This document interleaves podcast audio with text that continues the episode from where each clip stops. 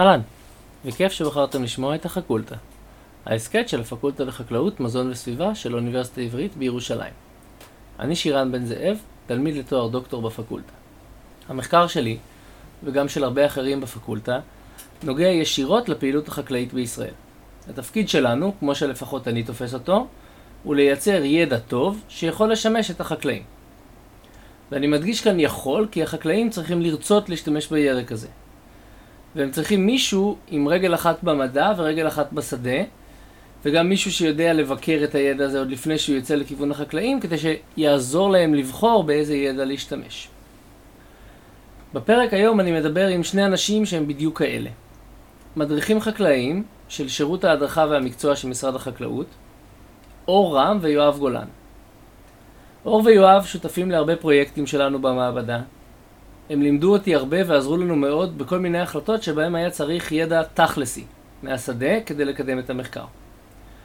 בפרק הכפול הזה אני מדבר איתם על העבר, ההווה והעתיד של ההדרכה החקלאית ושל גידולי השדה בישראל.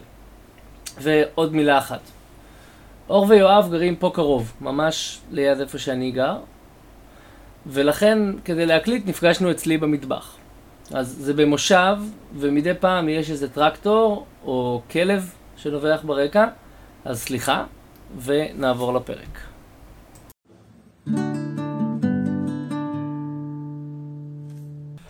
אז שלום ליואב גולן ואור רם, מדריכי שע"ם, וכדי שהמאזינים יוכלו לזהות את הקולות, בואו אה, תציגו את עצמכם ומה אתם עושים. אני יואב גולן, מדריך גידולי שדה מחוזי בשע"ם, שזה שירות הדרכה ומקצוע במשרד החקלאות. אה, עובד באזורי המרכז והעמקים, העמקים המערביים של עמק יזרעאל. משמש בין היתר גם כרפרנט ארצי לגידולי מספוא, זאת אומרת מרכז תחום גידולי מספוא בכל הארץ. אני אורם, מדריך גידולי שדה מחוזי, גם כן במחוז העמקים, ומשמש כרפרנט לגידולי שדה קיציים בצוות ההדרכה, זאת אומרת רכז מקצועי של גידולי שדה קיציים, שבעיקר זה אבטיח לפיצוח, מה שקרוי מל"לי, חמניות, חמצה, וגם יש גידולים חדשים או דברים בשוליים, אבל זה העיקר. אז כשיש מפגש נגיד בין גידול קיץ שגם משמש למספוא, אז אתם צריכים לעבוד ביחד? בוודאי, אנחנו עובדים ביחד. בכלל, כל התפיסה שלנו היא של עבודה משותפת. משתדלים כן לעבוד ביחד כצוות, גם אזורי, גם ארצי. כמובן שזה קשור לחיבור בין אנשים. שנינו, יואב הגיע לאזור העמקים מאזור המרכז ועמק חפר. אני חושב שזה יתאפשר בין היתר כי אנחנו יודעים לשתף פעולה, אז ברור, אנחנו ממש עובדים כצוות. יש דברים שהוא מוביל, יש דברים שאני מוביל. אנחנו בגוף הזה בשע"ם, אנחנו צריכים להבין שמדובר על גוף ציבורי שאמור לתת מענה לכל חקלאי מדינת ישראל. אנחנו בתחום הגד"ש, ואנחנו נורא מעט. וכפועל יוצא מזה שאנחנו מעט אנשים, מעט במקצוע, זאת אומרת שאנחנו צריכים לשתף פעולה באופן יומיומי וכמה שיותר יותר טוב בשביל לתת מענה הכי טוב לחקלאי מדינת ישראל אשר הם. אוקיי, באמת בואו נשאר רגע בזה ותספרו קצת מה זה שע"ם למי שלא מכיר.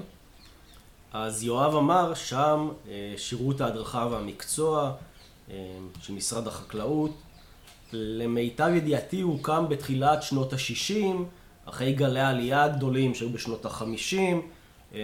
אנחנו מזכירים שאז באותן שנים המשק הישראלי היה ברובו מבוסס על חקלאות, הרבה פרדסים, מדרים, מטעים נוספים, גידולי שדה וירקות, למאכל של האוכלוסייה המקומית, משק חלב שהתחילו להקים ובקר, והיה צורך לתת הדרכה מקצועית לאותם משקים צעירים, שבזמנו, אני מזכיר, מרבית מהמשקים היו מושבים, משפחה עם נחלה של בין 20 ל-70 או 100 דונם, התפרנסה מיחידת השטח הזאתי, ועשתה למעשה את מרבית הפעולות לבד. היה צריך לרכז ידע מקצועי, גם של התאמת שיטות הגידול לארץ, וזנים, ודישון, וכל האספקטים האלה. וגם להעביר ידע רוחבי בין החקלאים, ולייצר ידע חדש. בשל כך הוקם שם. עם השנים הוא עבר שינויים ותמורות מאוד גדולים, בדומה לחקלאות. בימי השיא של חקלאות ישראל היו בשם, אני חושב, בערך 650 איש, מדריכים, אנשי אדמיניסטרציה, מנהלה. עם השנים גם יחידות השטח של כל חקלאי גדלו, כי קשה כבר להתפרנס מיחידה קטנה, ובהתאם לזה גם עם תהליכי ההפרטה שקרו במשק, אז גם משרדי הממשלה צמצמו תקנים, גם במשרד החקלאות, ולמעשה היום אנחנו ארגון של בערך, אני חושב, 125 איש, שזה כולל בערך 100 מדריכים בכל התחומים. כשאני אומר מדריכים, זה אומר אנחנו בגד"ש, אבל יש בירקות, שטח פתוח, שטח סגור, הגנת הצומח,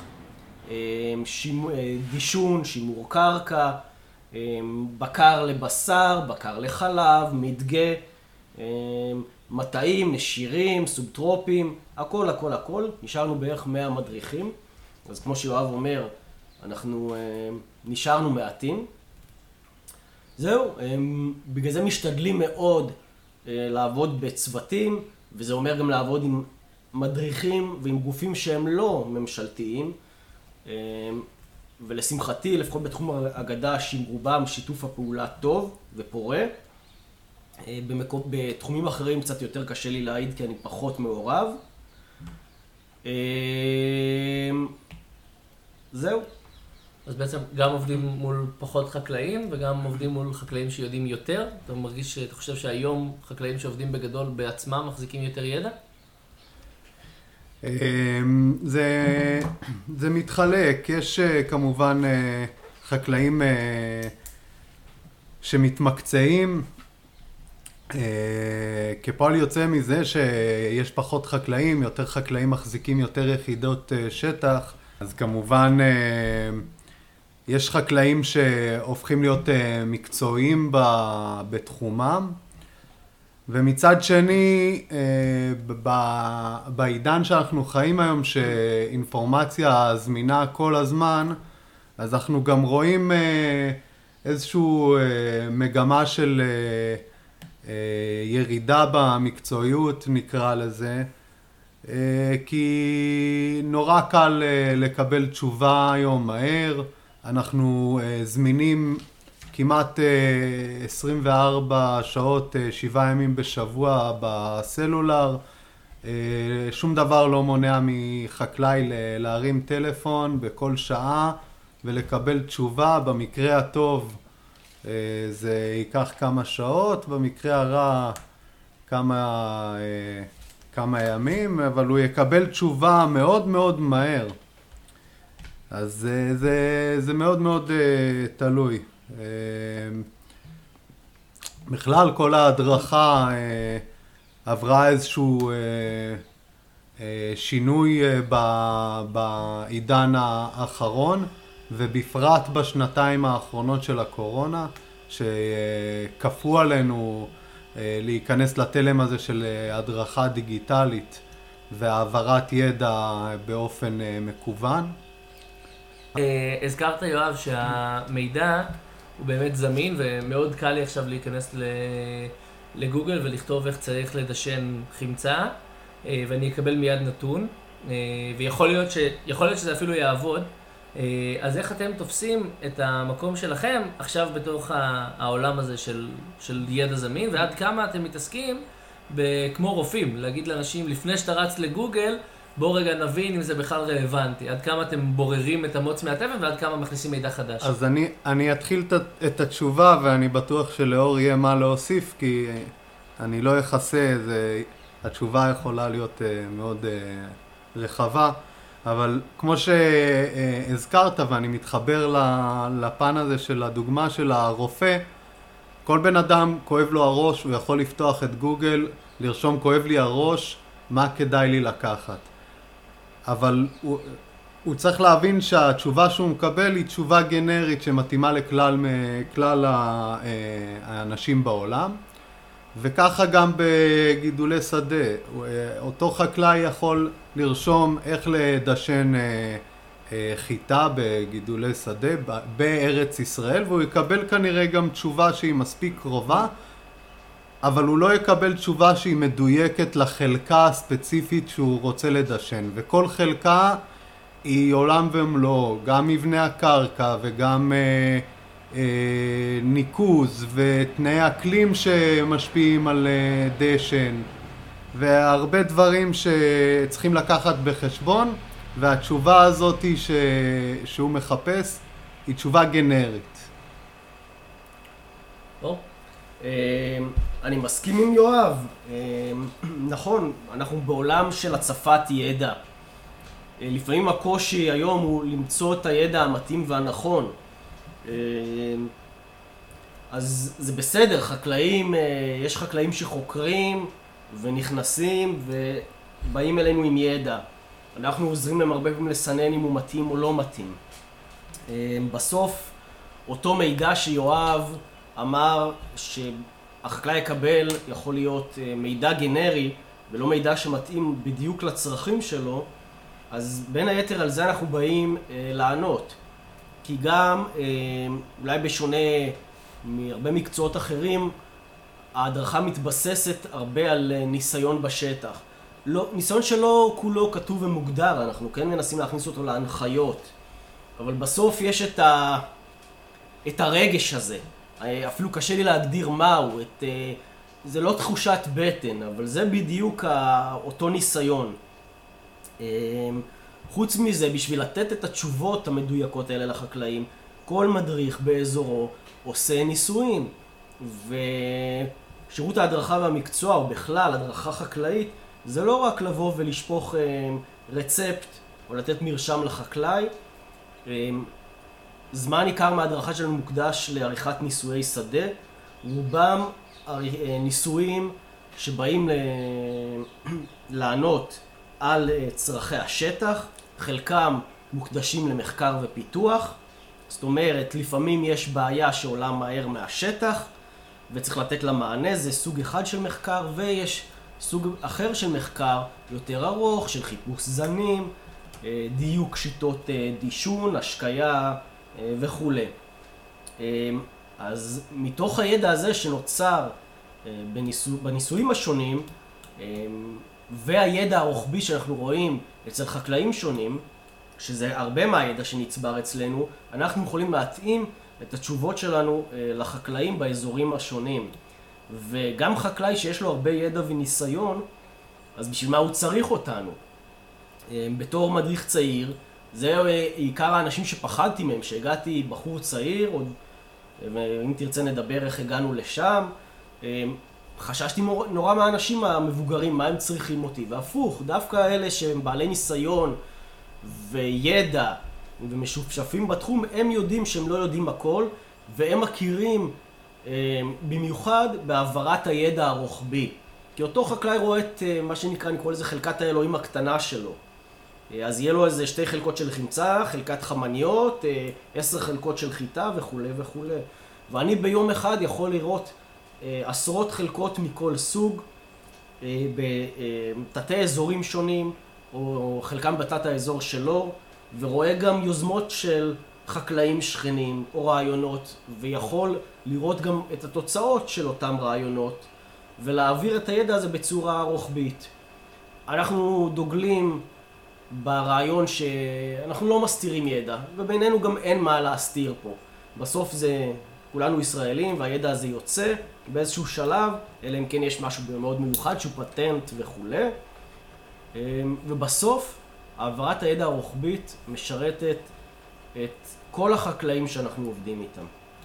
אה, התייחסתם פה לכמה דברים שאני רוצה לשלב בתוך מה שתכננתי לשאול אתכם. אמ, בעצם המקצוע שלכם הוא מקצוע למרות שיש פחות מכם ויש פחות חקלאים, אתם uh, מהווים נקודה מרכזית על כל כך הרבה צירים בין המדע לחקלאות, בין החקלאות לצרכן וליצרנות, uh, uh, שאני רוצה לשאול, בתוך מה שדיברתם, בתוך ההיכרות עם השדה הספציפי והחלקות. החלקות הספציפיות של החקלאי, וכמו שדיברתם על אה, ההבדל בין רצפט כללי לאיזשהו משהו שהוא אה, אפליקטיבי, אה, אני רוצה לשאול איך, איך נראית המשימה שלכם, או איך נראה יום טיפוסי שלכם, של כמה זמן אתם בלהכיר את החלקה הספציפית של החקלאי, כמה זמן מתבזבז על, במרכאות, מתבזבז על לקרוא חומר, וכמה זמן אתם משתפים פעולה עם אנשים כמוני, שלא אמרנו, אבל אה, יש לנו אה, ניסויים שאתם שותפים בהם כמובן. איך זה נראה? איך, איך נראית העבודה בשעה? כלומר, כמה זמן בשדה, כמה זמן שותים קפה עם החקלאי, כמה זמן קוראים חומר? זה, זה מאוד שונה בין מדריך למדריך, זה מאוד אישי. כל אחד uh, מתנהג uh, טיפה שונה, גם שיטות ההדרכה הן לא אותן שיטות. יש uh, מדריכים שיותר אוהבים להיות מעורבים ב... בנעשה בשדה, ויש מדריכים שאומרים, אני נותן לך איזושהי חוות דעת, המלצה, אתה רוצה תעשה איתה, אתה לא רוצה אל תעשה איתה, זו החלטה שלך, אתה... זה מאוד מאוד uh, uh, משתנה. אבל בגדול אה, אה, הבסיס של אה, הדרכה בגידולי שדה, כי זה גם בין התחומים השונים של ההדרכות, זה משתנה מאוד מאוד. בגידולי שדה הבסיס של ההדרכה זה השטח. זה להיות חלק בלתי נפרד ממה שקורה בשטח, מהאנשים שמסתובבים בשטח, ופועל יוצא של זה כמובן זה גם לשתות איתם קפה ולא מעט קפה, אה, אבל אה, מעבר לזה יש, יש פן מאוד מאוד גדול של אה, ייצור ידע. אתה, אתה, אנחנו מייצרים ידע, מדריכי שם זה כגוף, זה בין היתר גם אור דיבר על זה, אנחנו מייצרים מידע. ואנחנו משקיעים בזה לא מעט uh, זמן. Uh, אני לא יודע לדבר באחוזים, לא צריך, אבל uh, זה שיתוף פעולה שלנו עם החקלאים, שלנו עם חוקרים. Uh, אתה רוצה להרחיב בזה, אור? למעשה נגעת במה שאולי לא במתכוון, אבל במה שאנחנו קוראים לו משולש הזהב. שחקלאות ישראל, אני חושב בין היתר, הובילה, אה, כי היא נשענה על שלוש רגליים חזקות אז, שהיו אה, החקלאי, ההדרכה והמחקר. אה, זאת אומרת, השיתוף פעולה הזה והעברת הידע במשולש הזה, שנעשתה כל השנים, מאוד חיזקה את, ה... את החקלאות הישראלית. דיברת קצת על התמורות, או דיברנו על התמורות, שחלו ב... אה, בחקלאות ישראל. אז כן, גם אה, המחקר עבר שינוי, וגם שם צמצמו בתקנים. אה, אני לא רוצה לחוות את דעתי על זה, אבל ברור, נגיד את זה על הצד החיובי, שבשביל לקיים חקלאות איתנה בישראל צריך ששלושת הרגליים האלה יהיו חזקות.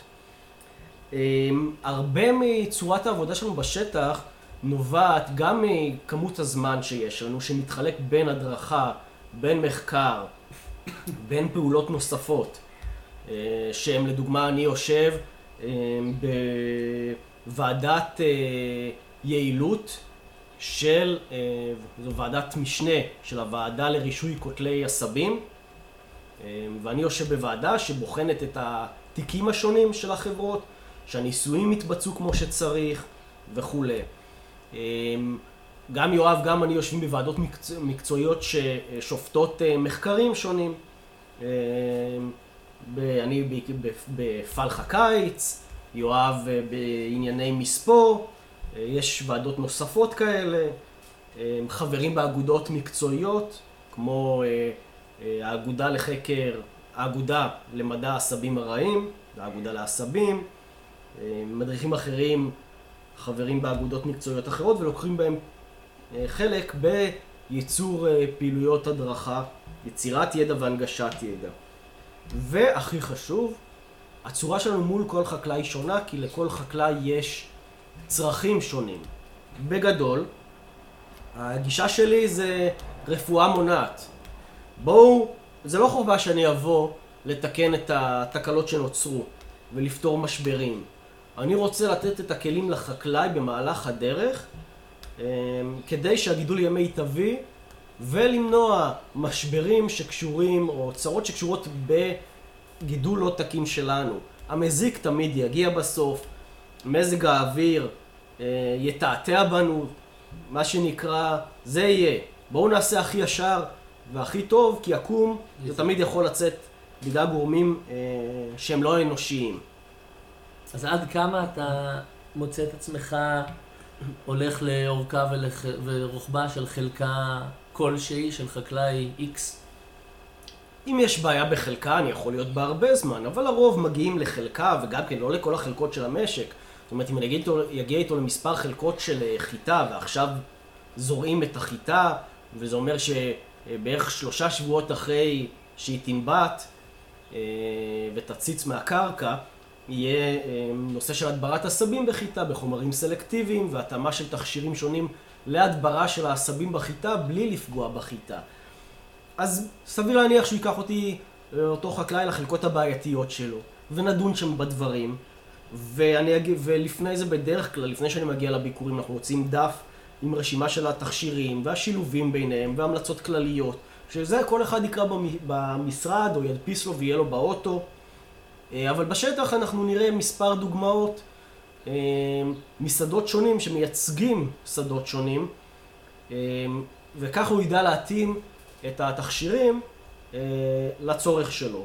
אני אגיד כמה אפשרויות, נדון בזה, הוא בסוף יבדוק מבחינה כלכלית מה הוא יכול לקבל, מה האפשרויות שלו.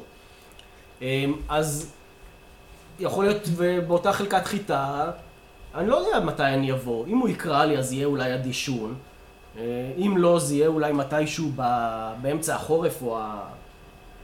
או לקראת האביב, דברים כאלה.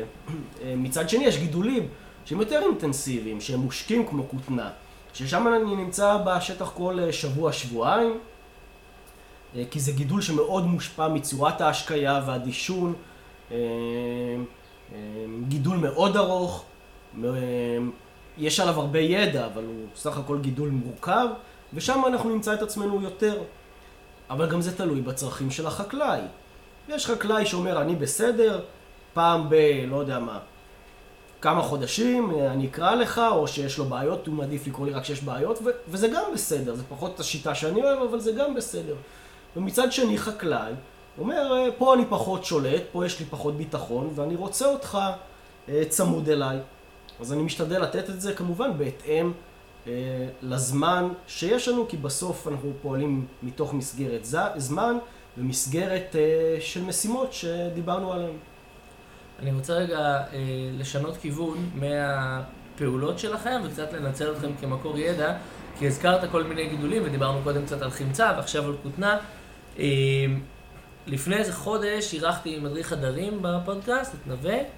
אה, והוא סיפר מה קורה בפרדס עכשיו. אה, אני בקצרה אמרתי מה אני יודע שקורה בגידולי השדה, שזה בעיקר פה סביבנו. אני צריך אולי אה, להגיד בפרק שהרעשים מסביב זה רעשים אותנטיים של מושב אותנטי. אני מקווה שזה לא מזיק יותר מדי לסאונד. ואני אשמח לשמוע איך, מה בעיניכם קורה עכשיו, ואיך השנה או השנים האחרונות משנות את פני החקלאות בישראל, כי יש לנו את שינויי האקלים שקורים, ונכנסים שינויים, ונכנסים גידולים חדשים. אה, ולצורך העניין, אור הזכיר את הכותנה קודם, והשמועה היא שהשנה למשל יגדלו הרבה יותר כותנה. אה, אני אשמח אם תוכלו להתייחס. בואו נתחיל ממה קורה עכשיו, ומה אתם חושבים שיקרה, נניח, בחורף, באביב. בחורף ובאביב. מה שקורה עכשיו זה בעצם שאנחנו ב... פתיחתה של uh, העונה. Uh, אחרי שגילינו שירד עלינו גשם, ובסוף שבוע האחרון ירד גשם uh, סך הכל יפה במרבית האזורים, מי פחות, מי יותר. לפני כן אה, רצו אצו החקלאים וזרעו את אה, שדות החיטה, אבל זה בעצם נקודת הזמן שרואים פיזית פעולות בשדה ולא יודעים שבעצם העונה התחילה עוד הרבה לפני כן. העונה מתחילה בתכנון. וזה נכון שלא רואים כלים כבדים ורעשים ותנועה אה, בשדות ובכבישים, אבל אה, כמו כל דבר, אה, גם בחקלאות מתחילים בלתכנן, והעונה מתחילה בתכנון בקיץ, כשיש זמן ואין הרבה עבודות לעשות, ולאט לאט מתקדמים משם להכין את השטח לקראת העונה. וכשמגיעים אה, אה, לשלב עכשיו שאנחנו נמצאים בו, תחילת החורף, אז אה, אנחנו מצפים שכבר כל החלקות והכל יהיה מוכן, וזורעים את החיטה. הרוב לא זורם. בטח אנשים אומרים נחכה, ינבטו עשבים, נשמיד. אני שמח לשמוע שחלק לא, כי זה בעצם ההמלצות שלנו. אז נתעכב על זה, אז אתה אומר שלא כל השדות, אור אמר שלא כל השדות זרועים, ואתה אומר נכון. שזה דווקא טוב, שלא לרוץ, והייתם שמחים אם לא היו רוצים לזרוע נכון, לפני הגשם הראשון. נכון, נכון. תראה, אה, מכיוון שאנחנו לא יודעים מה יקרה מחר, ואתה שואל על האביב והחורף, אז זה נורא נורא קשה להגיד, אנחנו יכולים להסתמך רק על מה שאנחנו יודעים מהשנים הקודמות, מה יהיה בשנים הבאות, אף אחד מאיתנו לא יודע. אז אותו דבר גם לגבי החורף וה... והיום שלמחרת. אז זה נכון שאנחנו רואים מערכת חור, חורפית מגיעה, אנחנו מהניסיון שלנו כבר יכולים להגיד, לפי האופי של המערכת, אם היא אה, תהיה מערכת ודאית או לא ודאית.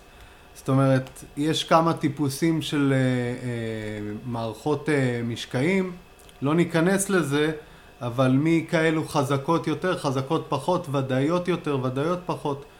ו... הרציונל של, אה, של חקלאות בכלל, זה, משם זה בא גם המשפט הזה בטח, זה לא לשים את הביצים אה, באותו הסל, את כל הביצים באותו הסל. אה, ולעניות דעתי, המשמעות היא לחלק סיכונים. זאת אומרת, גם בזריעה אתה רואה גשם ואתה רואה שכולם רצים לזרוע, עדיין תחשוב מה יקרה אילולי הגשם הזה לא באמת מגיע. מה קורה אם הגשם הזה מגיע ונעצר עכשיו שלושה שבועות. תחשוב על כל התרחישים לפני שאתה מקבל החלטות. ופה אנחנו גם בשביל החקלאי לעזור לו להבין את השאלות האלה ולענות עליהן. אנחנו במצב בדיוק דומה למה שיואב תיאר. זאת אומרת, זו מערכת גשם ראשונה אמיתית, הקרקע עד עכשיו יבשה מאוד. אה, יש אזורים כמו אזורים באזור, אה, נגיד בית אלפא, שירדו שם 50 מילימטר, או משהו כזה, ובאזור עפולה 20 מילימטר בערך, ואזור נגיד שריד, רמת דוד רק 16 מילימטר, ואנחנו בערך כלל אצבע על אדמה יבשה. שלושה מילימטר גשם זה סנטימטר הרטבה. אז תבינו איפה אנחנו אה, נמצאים. זאת אומרת, חתך ההרטבה הוא לא, אה, לא עמוק, הוא בערך אה, חמישה סנטימטר. אם תבוא, יבואו עכשיו רוחות מזרחיות או דרומיות יבשות, זה עלול להתייבש מהר, והחיטה מהר מאוד מתחילה לספוח מים ולנבוט. לשמחתנו גם חיטה במצב שהיא מתייבשת אה, אחרי הנביטה, אה, ובא שוב גשם, יודעת להתחדש. זה לא בלי סוף, ככל שהיא תתייבש אחרי התפיחה הראשונית יותר מוקדם, כך אה, יוטב לה. אבל כבר היינו בשנות בצורת. ואז זה המצב שאנחנו נמצאים עכשיו בחלק מהשדות. חתך ההרטבה מתאים לנביטה והצצה של החיטה. אבל יש סיכון שהיא תתייבש ותמות. נכון, אם לא יבוא גשם תוך שבועיים בערך, אנחנו נהיה בבעיה. אז ההמלצות שלנו לדוגמה, אה, בשדות אה, כאלה או במערכות גשמים כאלה, זה לזרוע דבר ראשון אה, שדות שאנחנו יודעים שאפשר להשקות אותם. להריץ בהם כוונוע, מכונות השקיה, המטרה, שיהיה איזשהו גיבוי. כמו שיואב אמר, אה, לא לשים את כל הביצים בסל אחד. אה, ואני חושש בהחלט שאם לא תבוא בשבועיים הקרובים מערכת גשם משמעותית, אנחנו נהיה בבעיה בחלק מהשדות שנזרעו והונבטו על ידי הגשם האחרון.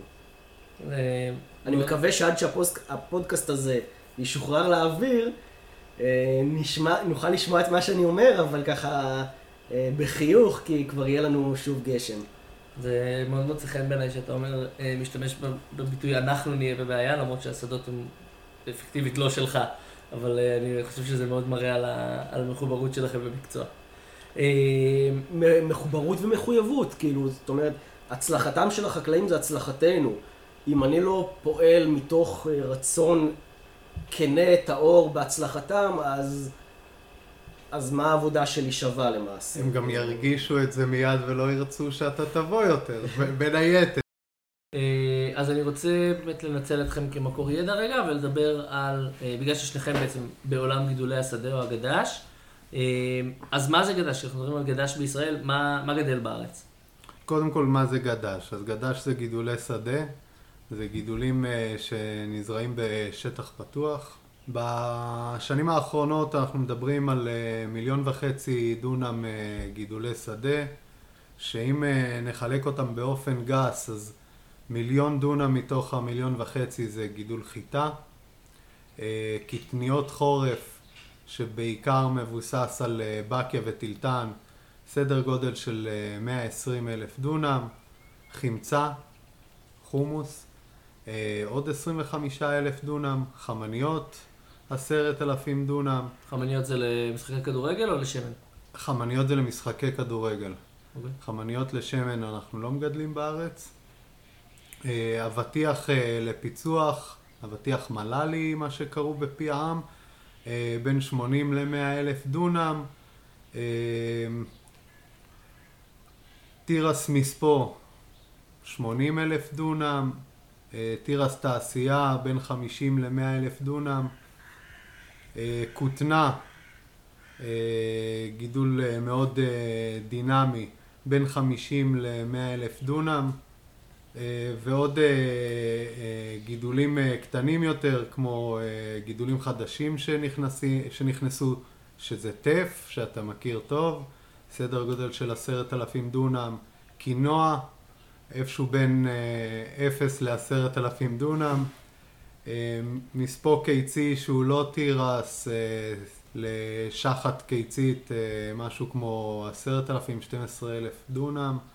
אה, אספסת, גידול רב שנתי, רב קצירי למספו, חמש עשרה אלף דונם. ועוד גידולי נישה כאלה ואחרים שנמצאים במחזור. אה, יש כמה דברים מתוך מה שאמרת שאני כן רוצה טיפה להרחיב. אז אה, הראשון, אה, זה שדיברת על, על כותנה שהוא גידול דינמי, אז אני רוצה שרגע נדבר על זה, כי בעצם עד כמה אתם מעורבים ב... נקרא לזה חישה, בלעקוב אחרי השוק, של להמליץ או לא להמליץ לחקלאי להיכנס לכותנה, כי אני יודע שזה שוק עולמי, מאוד מאוד מאוד משוכלל ומורכב. לעיתים בלתי צפוי. השנה מדברים על זה ש... שב-2022 יגדלו יחסית הרבה כותנה.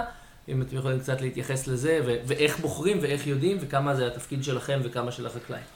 אני אתן לאור לענות על זה, אבל אני רק אה, אציין שמרבית אה, גידולי השדה שאנחנו עוסקים בהם הם אה, סחורות שנסחרות בבורסה בעולם, וכפועל יוצא מזה, אה, גם אה, מאוד מאוד מושפעות מהמחירים ומהמגמות שקורות בעולם, כולל אה, גידול הכותנה. תן לאור להרחיב לגבי זה. בסדר, רק לפני שאני ארחיב ואענה על שאלתך גם כן, יואב לא ציין, אבל הגידולים, גידולי אגדה שנזרים בשטח פתוח, הם גידולים חד-שנתיים, ויש כאלה ארוכים יותר או ארוכים פחות, וחלק מה... היקפי, היקפי המזרע שהוא ציין הם מתרחשים בדו גידול.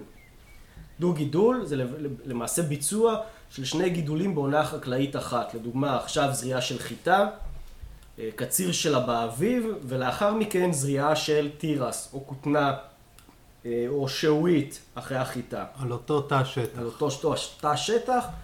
בעונות אה, שונות. Okay. אוקיי. אה, לגבי שאלתך, אז נכון, יואב אה, גם ציין שמרבית אה, מהגידולים שלנו, חיטה אה, וגם כותנה וגם מחירי התירס לגרעינים זה מחירים עולמיים, בורסאיים. אה, לא ניכנס לצורת החישוב ובדיוק איך זה קורה, אבל גם כותנה היא, היא מובלת אה, על ידי הבורסה במחירים עולמיים, אבל בסוף הכותנה שאנחנו מגדלים זאת כותנה פימה, זה כותנת ציב ארוך, בשונה מהכותנה שנפוצה בעולם, שזו כותנה אקלה, כותנת ציב קצר. אה, כותנת הסיב הארוך היא כותנה איכותית מאוד, מיועדת לבדים אה, איכותיים יותר, ללבוש איכותי יותר, והיא פודה מחירים גבוהים יותר. וזו הכותנה שמגדלים, או השולטת בישראל, אני חושב, ב... לפחות 20 שנה האחרונות, אולי בשנות התשעים עדיין גידלו פה יותר אקלה, ומשנות התשעים ממש כבר נהיה מהפך. אז הכותנה הזאת היא, היא, היא, בוא נגיד, השוק העולמי של האקלה, וזה גורר אותה, או היא תלויה בו, אבל היא לא אותו דבר. המחירים בסוף זה לפי אה, אה, ביקוש והיצע עולמיים, שכותנת הפימה אה, הולכת למטביות שנמצאות בסין, אה, במזרח הרחוק, אה, בטורקיה, אה, מדינות כאלה. הכותנה הישראלית נחשבת אה, מאוד איכותית, אולי האיכותית בעולם. היא נמצאת במחירים בקו אחד, לפעמים קצת למטה, לפעמים קצת למעלה. תמיד זה היה קצת למטה, אבל בשנים האחרונות זה קצת למעלה, מעל הכותנה האמריקאית, שממותגת תחת מותג סופימה, וזה מותג מאוד חזק, ולפעמים אנשים מוכנים לשלם עוד כסף על מותג מסוים, למרות שהוא לא עדיף ב... באיכות שלו וכולי. אז כן, אנחנו מעורבים בדרך כלל במה קורה, עוזרים לחקלאים לבצע תחשיבי גידול, במיוחד בשנה כזאת שהמחירים מאוד עולים, ואז יש מתעניינים ומצטרפים חדשים לגידול, ורוצים לעשות השוואות לחלופות אחרות. ובכלל, סל גידולי השדה מאוד תלוי, יואב נתן ככה מנעד של דונמים לגידולים שונים, זה מאוד תלוי ב... אה, אה, בביקוש של כל גידול. זאת אומרת, אם עכשיו מחירי הכותנה עולים ויגדלו בארץ יותר כותנה, אה, זה יבוא על חשבון גידול קיץ אחר. סביר להניח שאולי חמצה, חמניות, שגם אנחנו בשנת שמיטה ויש להם פחות ביקוש כרגע, או אבטיח מללי, אה, כגידולים אכילים. אה, אנחנו גם בשנת שמיטה, אז אולי קצת פחות חיטה לגרעינים יעשו, למרות שזה גידול חורפי, אבל... אני רוצה להתייחס לזה רגע. הזכרתם שמיליון דונם, אה, מתוך המיליון וחצי דונם של גידולי שדה בישראל הולכים לחיטה. אה, יש אה, כל מיני תפיסות לגבי גידול החיטה בארץ, וחשוב לי להתייחס לזה שרוב המיליון דונם הזה, זה לא הלחם שאני הולך להכין. זה, אה, יאכלו את זה, באמת, זה, זה ילך למספור, יאכלו את זה בעלי חיים. אה, ו, וגם פה יש איזו נקודה של החלטה, כי לפעמים שדה חיטה יכול להיקצר גם וגם. אז אה, א', אה, תקן אותי אם אני טועה, בקשר להיקפים, או אולי תחלק את המיליון דונם לכמה מזה הופך לקמח וכמה למספוא, ואיך, או התפקיד שלך, בתור מי שרואה הרבה חלקות, בהחלטה של חקלאי אם להוריד למספוא או להשאיר לגרעינים. שבאז, אנחנו לא יכולים לגלות פה את כל הסודות המקצועיים שלנו, אנחנו צריכים להשאיר קצת... אה, כמה סודות אה, לשטח. תראה, באופן אה, כללי, בשנים האחרונות, חמש, עשר שנים האחרונות, קרתה תנועה, מגמה לכיוון גידול חיטה למספוא. אם בעבר ידענו להגיד שמתוך המיליון דונם שני שליש יופנו לגידול גרעינים ושליש יהיה למספוא. אנחנו רואים יותר ויותר שדות שמופנים למספוא. ו... ויש לזה סיבות לכאן ולכאן. היום אנחנו עומדים על 50-50 פחות או יותר, 500 אלף דונם למספוא, 500 אלף דונם לחיטה לגרעינים. עכשיו צריכים להבין שהחקלאי הישראלי שהוא זורע חיטה הוא יודע שמדינת ישראל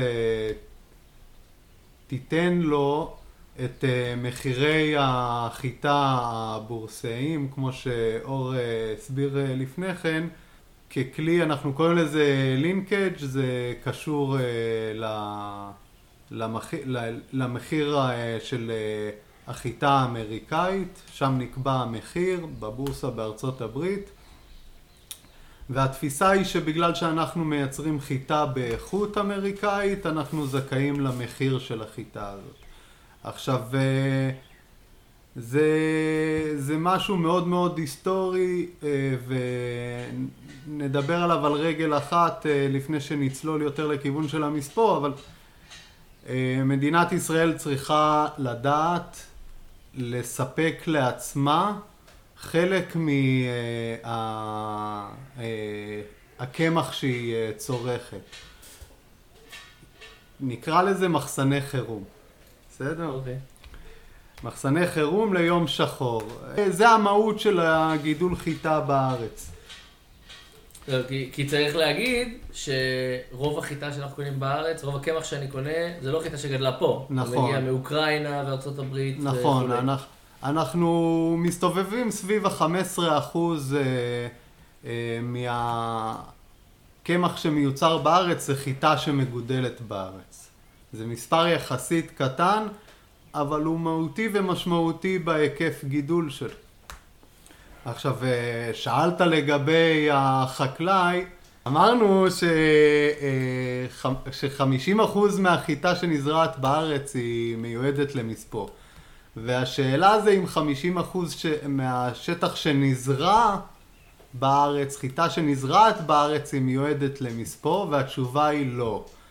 בסופו של דבר התשובה, הפ... הפילוח בסוף, אחרי הקציר, אנחנו מוצאים את עצמנו ב-50-50, אבל 100% מהשטח שנזרע בארץ זה חיטה. כמה יהיה בסוף מספוא וכמה יהיה גרעינים זה תלוי מאוד באיזה שנה יש לנו, גם מבחינת אקלים, גם מבחינת מחירים עולמיים, מבחינת הרבה דברים. יש דבר מאוד מאוד קשיח שזה כמות הפרות שיש בארץ וכמות האוכל שהפרות האלה צור... הפרות האלו צורכות.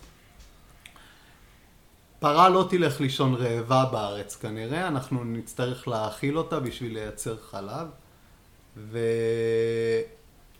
אה, של דבר אנחנו מגיעים לשטח, אה, אנחנו כמדריכים מגיעים לשטח ועולה השאלה של החקלאי, נו מה אתה אומר, אה, השטח הזה שווה לי להשאיר אותו לגרעינים או לקצור אותו לתחמיץ?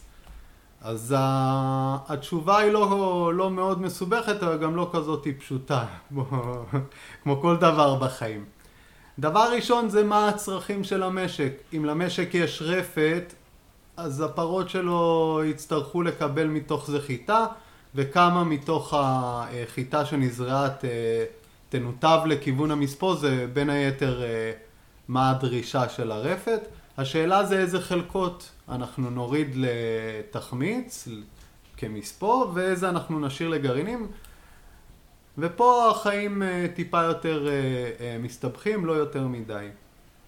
אנחנו מסתכלים על השטח כשטח, אה, בין היתר על אה, רמת אה, העשבייה שיש בשטח, אם יש הרבה דגניים בתוך שטח החיטה, אנחנו נעדיף להפנות שטח כזה לתחמיץ, לנקות אותו, ולא ל...